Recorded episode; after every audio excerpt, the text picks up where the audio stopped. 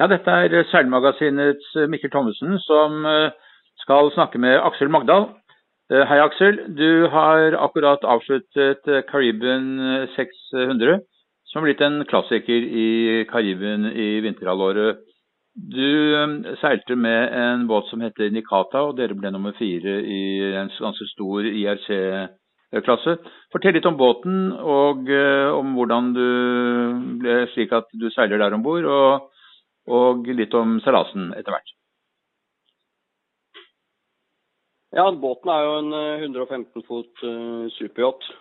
Uh, rask på regatta, litt yngre enn regattabåtene. Så det er jo litt uh, Sammenlignet med en Volvo 70 f.eks., som vant uh, Caribbean 600 nå, så er det jo Det blir vanskelig å slå. Men uh, det er en veldig rask båt. Seiles av proft mannskap. Ehm, og har jo mye lignende seilutviklingsprogram og sånn som uh, f.eks. Volvo-prosjektene. Så det er ganske likt eh, mye av den andre seilingen de gjør. Ehm, jeg har seilt bare et par race med båten før, Fastnet og Middle Sea Race. Så kjenner jo ikke båten sånn kjempegodt, men det er ganske lik eh, en annen båt som jeg har seilt mye før, som er Nilaya, en 112-foter. Eh, selv om eh, den ekstra meteren i lengde høres jo ikke så mye ut, men den er ganske mye større i volum. Mye bredere og litt høyere fribord. Så det er, en, eh, det er en, større båt med mer krefter. og det, det gjør litt med systemene om bord. Så det tar litt lengre tid å gjøre en del manøvre enn det vi har gjort ellers. Men ikke så veldig mye. På resultatlisten så står det Akoma Marin som eier båten. Hvem er det som står bak det? Ja, Det er eh, Nicolai Tangen som eier eh, eller som, som er eh, eier bak båten. Um, så det er jo litt gøy å kunne seile med en nordmann, så han styrer jo båten. Ja. Um, ja, ikke så veldig mye mer å si om det, egentlig. Det er jo, Denne gang var det, hadde vi med Bao Becking som taktiker. Og meg på navigasjon. Og så har vi ja, en del av de kjente fordekk og trimmerne som er rundt. Det er jo et par hundre stykker som uh, seiler mye rundt på forskjellige racebåtene. Fra TP52, Maxus 72, eh, ja, i Volvo America's Cup og, og i Superåttene. Så uh, stort sett ganske, ganske kjente navn rundt omkring på båten. Men du og Bobo Bekking, dere er blitt et team av inntrykk av. Dere seiler mye på de samme båtene. han som taktiker og du som strateg? Ja, det blir jo litt eh, Det blir jo fort til, eh, til at man seiler mye med de samme folkene. Fordi da har man en relasjon, og man, man velger å ta med noen som man vet at man jobber bra med.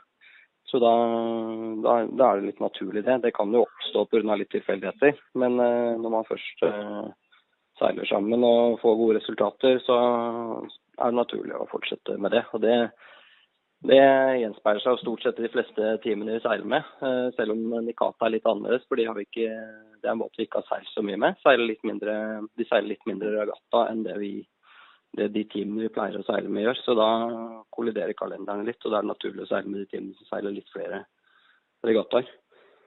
Men eh, jeg har seilt mye med Baue ja, egentlig siden egentlig siden for eh, to-tre Volvo Ocean Race-siden. Da seilte vi mot hverandre. Og så, og så uh, likte han vel det han så fra meg i, i Volvo, så da tok han meg med på noen uh, prosjekter. Og så er det vel jeg som har kastet hans navn inn i dette prosjektet, når vi så at vi trengte en vaktkaptein til, eller en, en taktiker til. Men dere har også seilt sammen en del i yachtbåt, så vidt jeg vet, uten at vi skal bruke så veldig mye tid på yachtbåter akkurat nå. Så, så dere er vel eller spenner over et litt videre register enn akkurat disse store avseilerne? Ja, vi seiler jo J-klassen på litt, uh, litt, samme måte som her. Så J-klass er på en måte den store båten som uh, De er jo 145-150 fot store. Som vi pusher lengst i forhold til regattaseiling. Så det er naturlig å ta med mye av det vi har gjort fra J-klass over i over i de andre båtene, selv om systemet er litt forskjellig og båten er litt forskjellig. Ja, dette er en litt mer planende båt som, eh, som går litt, derfor går litt fortere. Litt, en del nyere design. Men uh, vi har seilt mye i J-class, og det er klart det er, det er kanskje det mest kompetitive av sånn som jeg vil kalle litt uh, storbåt. Ja, det er jo litt type superyacht-seiling det også, i og med at det ikke er laget som moderne racebåt. Så uh, da utvikler man jo en relasjon i det. Ellers har vi seilt også flere Caribbean 600 sammen tidligere, og vi har i både om bord i både Brunel og Volvo 70 og, og Superhot før. Så er, vi, vi, kan jo den banen godt. og ja, En del sånn kystseiling der eh, ja, det er en ganske grei arbeidsfordeling på hvem som gjør hva av oss, og hvem som er flinke på hva av oss. Så det fungerer veldig bra. Fortell litt om denne Karibien 600, for det er blitt en klassiker. Det er liksom den, den store regattaen som samler internasjonal deltakelse i Karibien om vinteren. Uh, og etter hvert så er jo det blitt en stor regatta. Nå var det vel omtrent 100 båter og veldig mange med, med gode mannskaper og gode båter med. Ja, disse Rorke i England de arrangerer jo tre sånne 600 nautiske mil regattaer. Det er Fastnet uh, annethvert år, og så er det Middle Sea Race uh, rundt Sicilia pluss litt til, på, som går ganske sent på høsten. Og så er det Caribbean 600 som går ja, på kryss og tvers mellom de karibiske øyene, egentlig, i februar. Så den, den seiler hvert år. Og det er, ganske, det er jo stort sett stabil, litt sterk vind etter sånn norsk sammenheng, i og med at vi seiler i passatvind på en 20 knop, 10 sekundmeter. Og eh, i veldig varmt og deilig klima da, på vinteren. Så det er en veldig fin regatta. Mye fint å se på underveis. Og ikke så mye tid til å sove for navigatøren, siden vi, siden vi stort sett seiler rundt en eller annen øy og, og på kryss og tvers. Så uh, litt av alt på den, uh, på den regattaen her.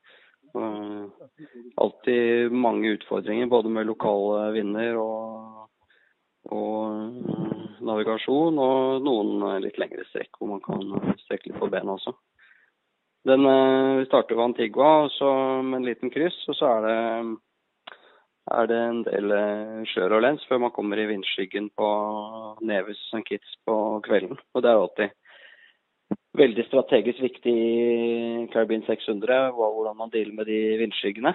Og det har vi også ja, fått litt uh, lært litt av uh, gjennom årene. Så vi har brukt litt tid ja, egentlig sammen med Nils Melsom Christensen hjemme, som jeg har jobbet litt med på en del sånn værting, både i forbindelse med Volvo Ocean Race og litt annet. På, på å modellere hvordan vinden fungerer rundt i øyene. Egentlig første gang vi seilte det racet i ja, det må være syv-åtte år siden.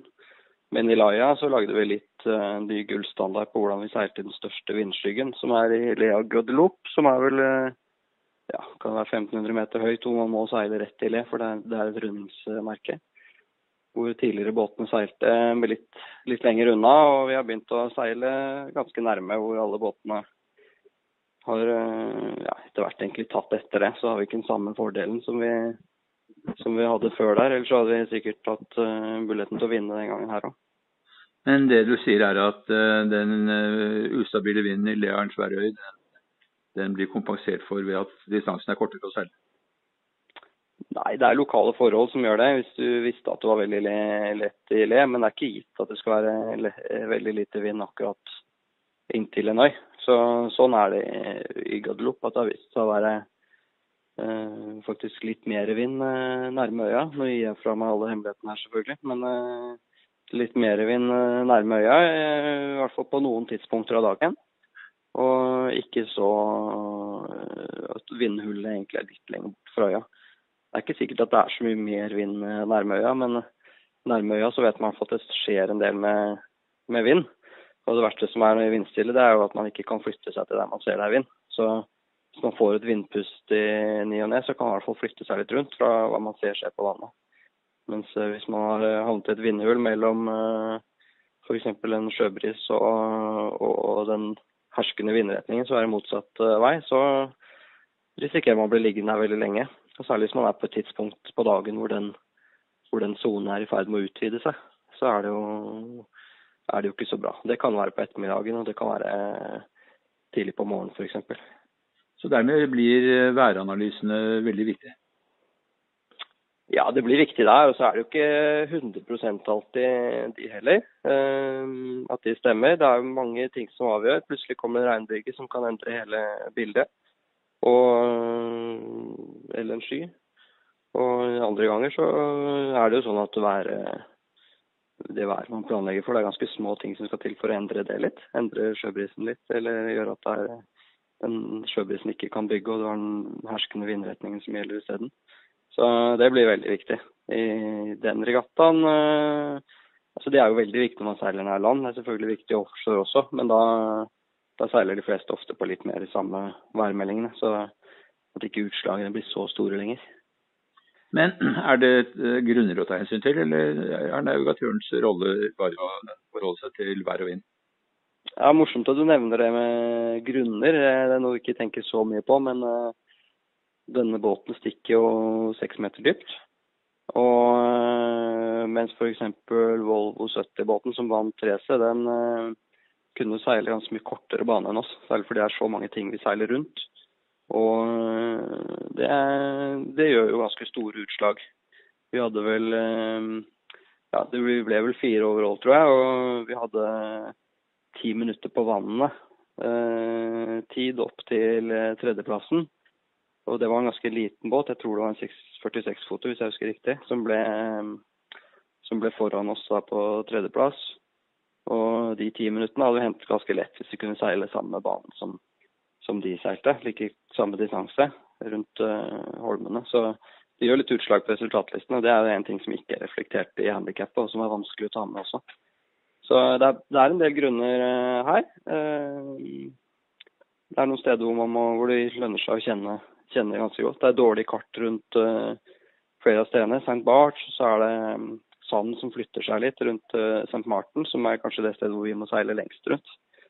Og Jo bedre kjent man er, jo mer kan man pushe med ikke altfor høy risiko. Så jeg tror det minste vi så på dybdemåleren en gang her var 6,5 meter. Så da har, vi, vi spist litt inn på den sikkerhetsmarginen som vi egentlig liker å ha på en sånn type båt. Så det betyr at vi i hvert fall har pushet nok.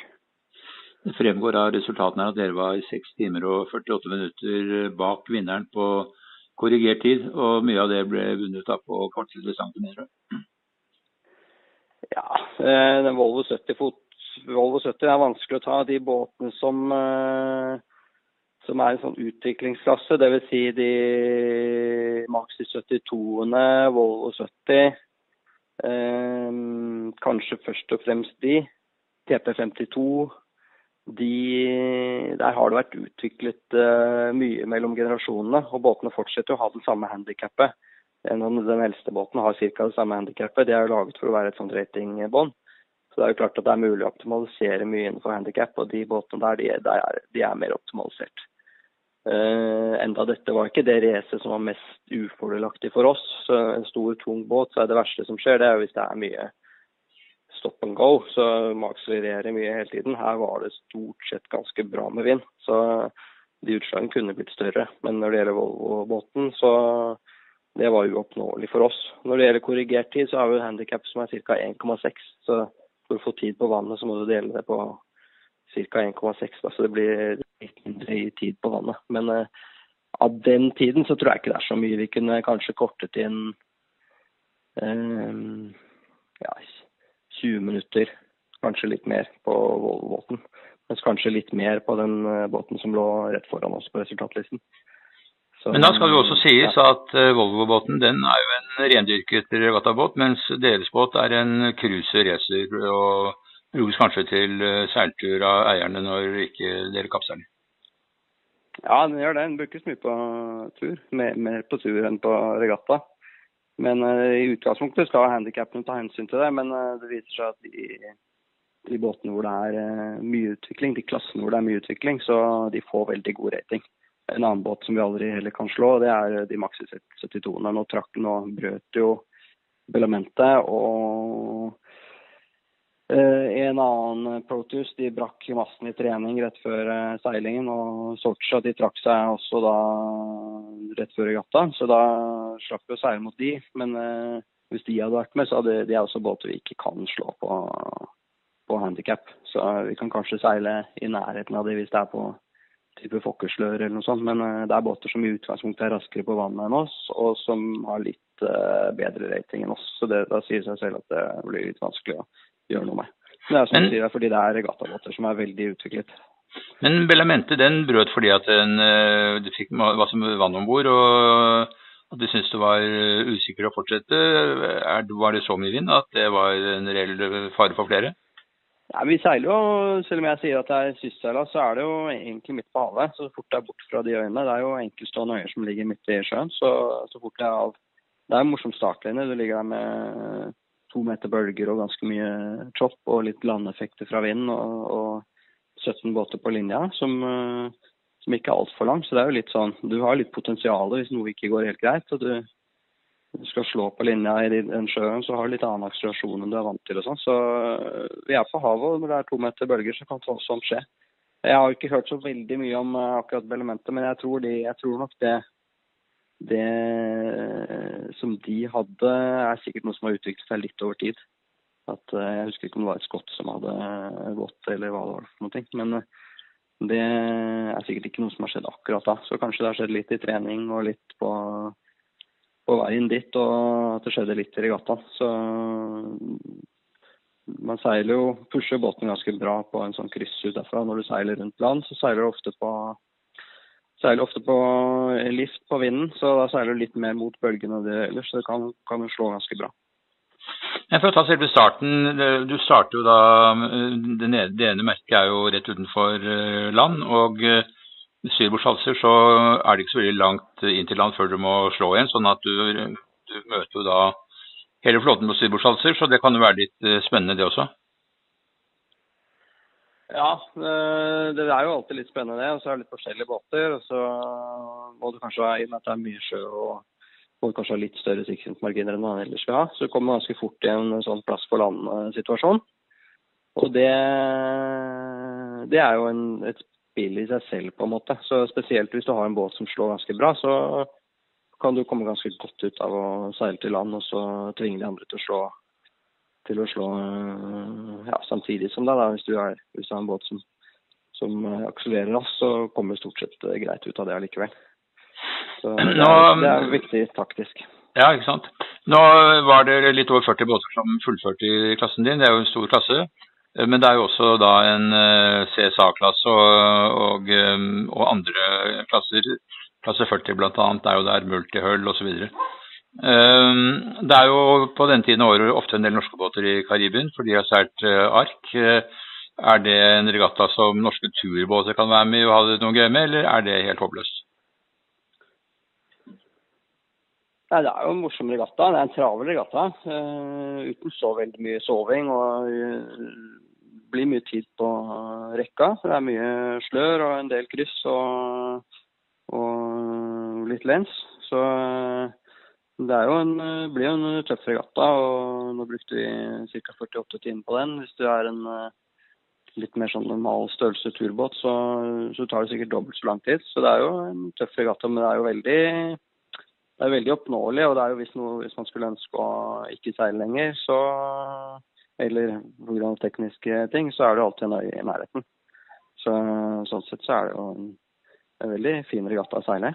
Så jeg tror det blir flere og flere av båter. Nå er jeg ikke så kjent med akkurat hvordan, hvordan det pleier å være for de litt mindre båtene. Men det det, det, er absolutt en bra regatta å seile. Og du får jo man møter jo en del av disse her. Det er jo litt sånn som i Ferdinand, at de båtene som har rundet før, de møter du på veien, på veien utover. Det blir litt det samme her. Så man får jo sett en del. Så for vår del så så vi jo de 70 fots trimaranene som, som eh, lå en, eh, en, god del foran oss. Når de hadde rundet, så møtte vi de, og motsatt for de mindre båtene møter vi de. Så det, det er mye fint å se på også. Og så er det vel sånn det pleier å være i Karibien, mye sosialt eh, før og etter? Ja, absolutt. Det er jo det er veldig fint å være der borte. Så det er jo ikke feriedestinasjon nummer én, men klimaet er supert. Og det er jo veldig sterkt seilmiljø.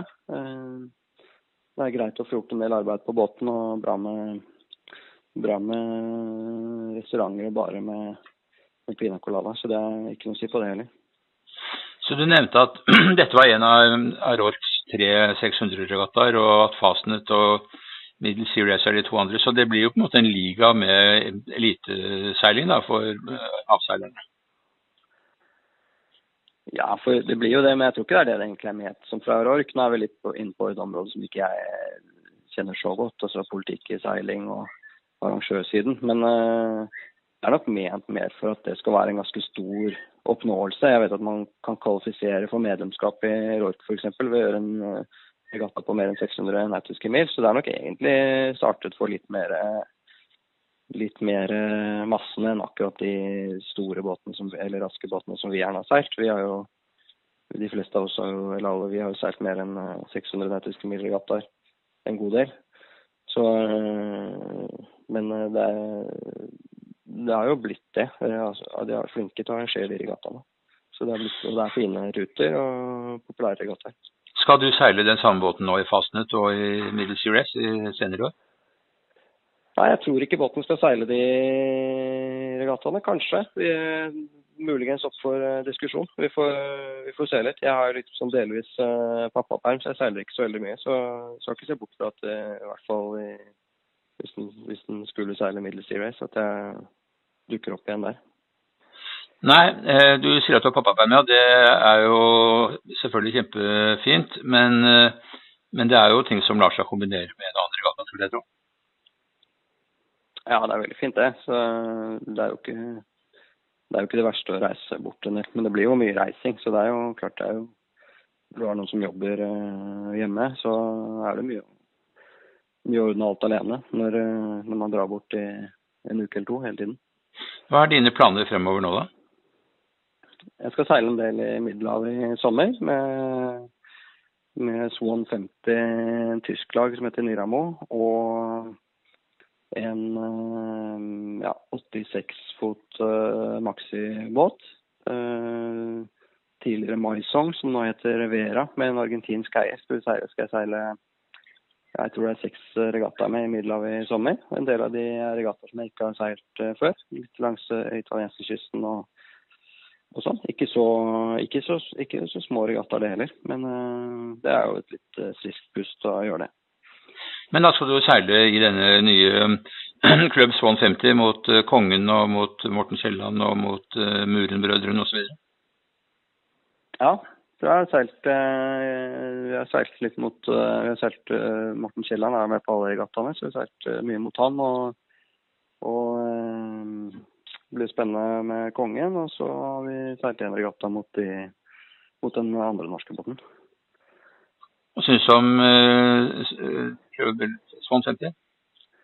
Jeg syns det er en veldig morsom båt.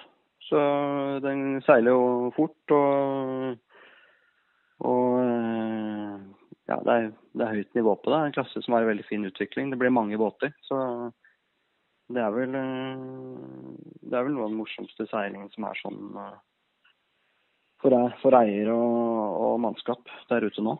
Det, og det er veldig fint at mye av det er i Middelhavet. Det er, det er relativt enkel eh, eh, Alt er relativt, selvfølgelig, men det er relativt enkel logistikk. Og de klarer å samle mye båter til hver. Så det er veldig bra. Eh, og så er båtene helt entype. De er selvfølgelig morsommere enn å seile båter som er veldig forskjellige fra hverandre. Ja, det gjør det, også, det gjør det også litt vanskeligere. Fordi det betyr at man må være enda flinkere på detaljene, på utvikling, eh, på trening. Alle feilene syns. Så eh, det blir jo litt sånn én type at hvis du er eh, to meter foran, så, er det, så klarer du å knipe deg foran rundt merket, og da blir det fort et par båtlengder. Så hver gang man klarer å dra et par meter, så blir det veldig store utslag av det. Så det er i motsetning til kanskje på handikap, hvor man hvor man kan runde alene. og Hvis man surrer bort et par meter, så er det bare de par meterne man mister, for det kommer ikke noen en annen båt imellom. Så det er jo det er kjempemorsom seiling. Men det er alltid, alltid veldig tett i starter og merkerundinger. Og, og det er jo den morsomste seilingen. Og selvfølgelig første båten i mål som vinner. Morten Jensen, eller Morten Jensen, så er Morten Kielland som er jo et nokså ubeskrevet blad i norsk seiling, har jo hevdet seg si, overraskende bra. Eh, men han har mye proffram De to andre norske båtene skal seile mer med sine faste vennelag. Hvordan tror du det kan bli? Ja, Det blir veldig spennende å se. da. Så det, Den uh, norske båten som har vært fra før, den vet vi jo at har de, Da har jo de de har blandet seg inn, men de var jo i hvert fall den regattaen hvor jeg så de, så var det jo var de jo på niende og tiende av ti båter den gangen. Så de, da har de på en måte da vet de hvor lista ligger. De må kjøre på videre. Og det er ikke så lett uten å ha med proffer på de båtene. Jeg tror alle båtene i utgangspunktet seiles med profferlag.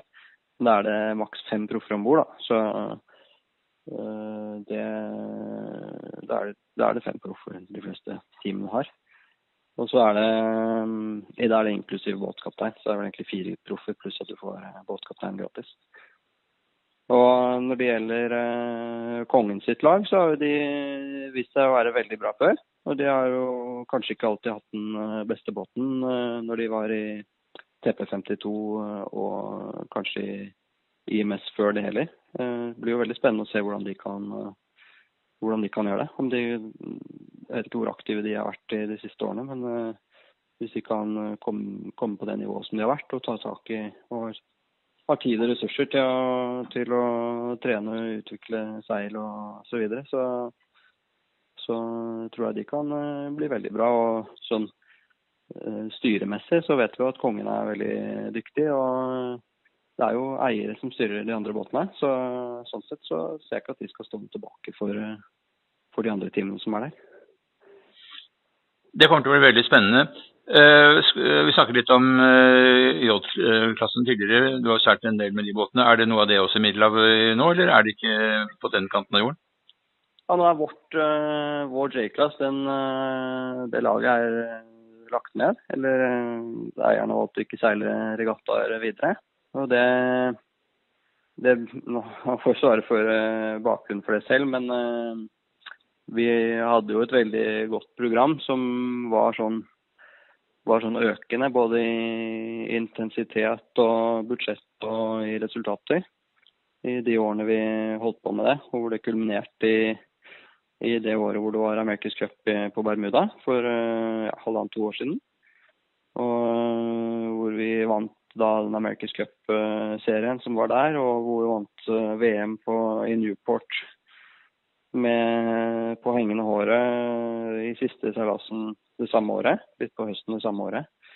Så det, jeg tror vel at man kjenner at da, hvis man skal ta et skritt videre fra det, så, så, blir det et ganske stort skritt. Så det er vel greit å, greit å roe ned litt etter det. Så får vi se hva han, om han har lyst til å, å, kjøre i gang litt mer etter hvert.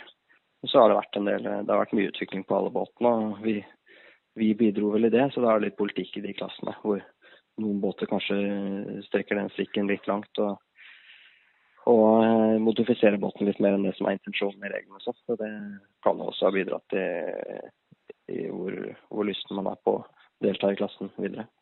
Er det stor forskjell på de båtene, eller er det sånn at eh, alle kan vinne?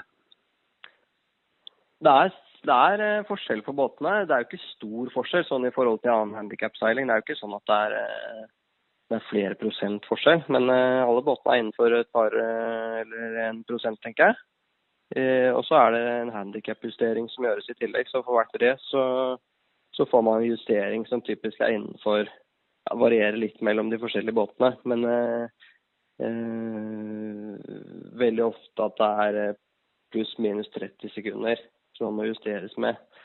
Eh, mot en del av de andre båtene. Så var det én båt som var med som var litt annen. Eh, Shamrock som var med, den var eh, betydelig tregere enn de andre. Så der var det snakk om ja, kan ha vært snakk om 10% så den, det ble en litt annen eh, klasse sånn sett. Men de hevdet seg jo heller ikke. Tror de seilte med tremast og sånn. Så alle de andre båtene er, er, det veldig jevnt med. Og stort sett så er det den rekkefølgen som de kommer i mål, som, det, som er avgjørelsen.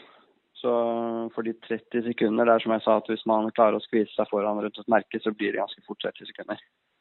Så, og oftere så er det jo 15 sekunder som er forskjellen. Så en veldig sjelden gang iblant at man klarer å snike seg på hekkbølgen til den båten som er litt raskere, og så komme akkurat klare å slå dem med noen sekunder når handikap-justeringen har vært. Men eh, de båtene er veldig like. Du har jobbet en del som strateg på land og vært rådgiver for en del lag som har seilt uh, bl.a. i Volvo Ocean Race. Er det noe du kommer til å fortsette med? Det er vel egentlig noe jeg har gjort mindre, med unntak av for Volvo Ocean Race. Så er det noe jeg har gjort litt mindre og mindre. Um, og det har vel uh, egentlig å gjøre med at jeg har uh, hatt mye å gjøre med seiling. At det er uh, litt ufordelaktig arbeidstid på å være klart for de båtene som seiler når de står opp om morgenen. Og at ikke det behovet har vært helt der. Så vi jeg har en del sånne oppdrag i året, men eh, ikke i det hele tatt så mye som jeg hadde for eh, noen år siden. Og eh, det får vi se om det kan bli litt mer av det etter hvert. Men i, i Volvo Ocean Race så, så, er det jo aktuelt å gjøre det. Så får vi se hvordan, hvordan det blir helt avhengig av hvordan det vil passe sammen med familiesituasjonen. Jeg har holdt på med den seilingen på fulltid i, i mange år. Veldig mange år, syns jeg. Så da jeg har ikke så stort behov for å, å være med på de de fulltidsprosjektene. I hvert fall ikke på bekostning av allting jeg har hjemme. Så vi fikk, bra, fikk en bra pakke med Team Axel Nobel i forrige Volvo, hvor, eh, som var, gjorde at jeg kunne jobbe en god del eh, hjemmefra, som passer bra med familien. Så hvis det kommer opp noe sånt igjen, så blir det nok veldig aktuelt. Men jeg tror ikke det vil være aktuelt å flytte, flytte av gårde og jobbe med et team sånn veldig mye av tiden. Da måtte i så fall være på fulltid, og at vi flyttet alle sammen hjemmefra. Men det, det, tror jeg ikke er så sannsynlig sånn som det er akkurat nå. Du har jo sagt tidligere at du har gjort de Volvo-årsracene som du skal, og at det ikke er aktuelt med noen flere. Er det, står det fremdeles ved makt, det naturligvis? Ja, det gjør det akkurat nå, men uh, det er lov å ombestemme seg. Så Eh, det er ganske sannsynlig at jeg kommer til å sikkert seile noen etapper i Volvo. Og det holdt jo på å bli sånn denne gangen, men da, men da, eh, da hadde vi en nyfødt hjemme, så det valgte ikke å gjøre det. Men uh, det kan veldig fort skje med noen etapper. Men det er veldig stor Det er jo idrett, og det er høyt nivå på det. Så hvis man skal, hvis man skal gjøre det helhjerta på noe høyere nivå enn å steppe inn som reserve, så må man bruke veldig veldig mye tid på, på å gjøre det bra på navigasjonen i Volvo, egentlig på alle tingene i Volvo. Og det gjelder både på akkurat de jobbene man har, men også på den fysiske treningen, som, som det selvfølgelig skorter litt på, har skortet litt på siden, siden sist jeg seilte racet selv, som har blitt noen år siden. Så det er jo et valg som man må ta. Hvis man skal gjøre det, så er det en ja, det blir en helt annen helt annen livsstil, så, livssituasjon. Så det blir det ikke akkurat nå. Du kjenner jo eh, Volvo Oceanless bedre enn de fleste, og du kjenner jo organisasjonen veldig godt. Og du kjenner jo aktørene, de som har overtatt uh, nå. Hva tror du om uh, The Ocean Race og de planene de har med to klasser og, og uh, et helt nytt setup?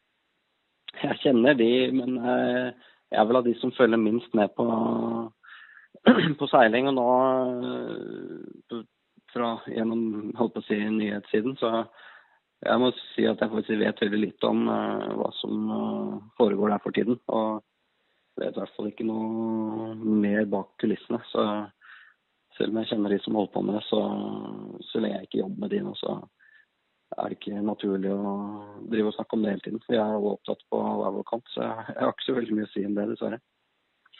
Du er jo kanskje Norges fremste profesjonelle seiler, og eh, det er jo et annet spennende prosjekt på gang med America's Cup og noen norske som prøver å få til noe der. Har du noe kontakt med de seilerne og vet hva, hvordan det prosjektet ligger an?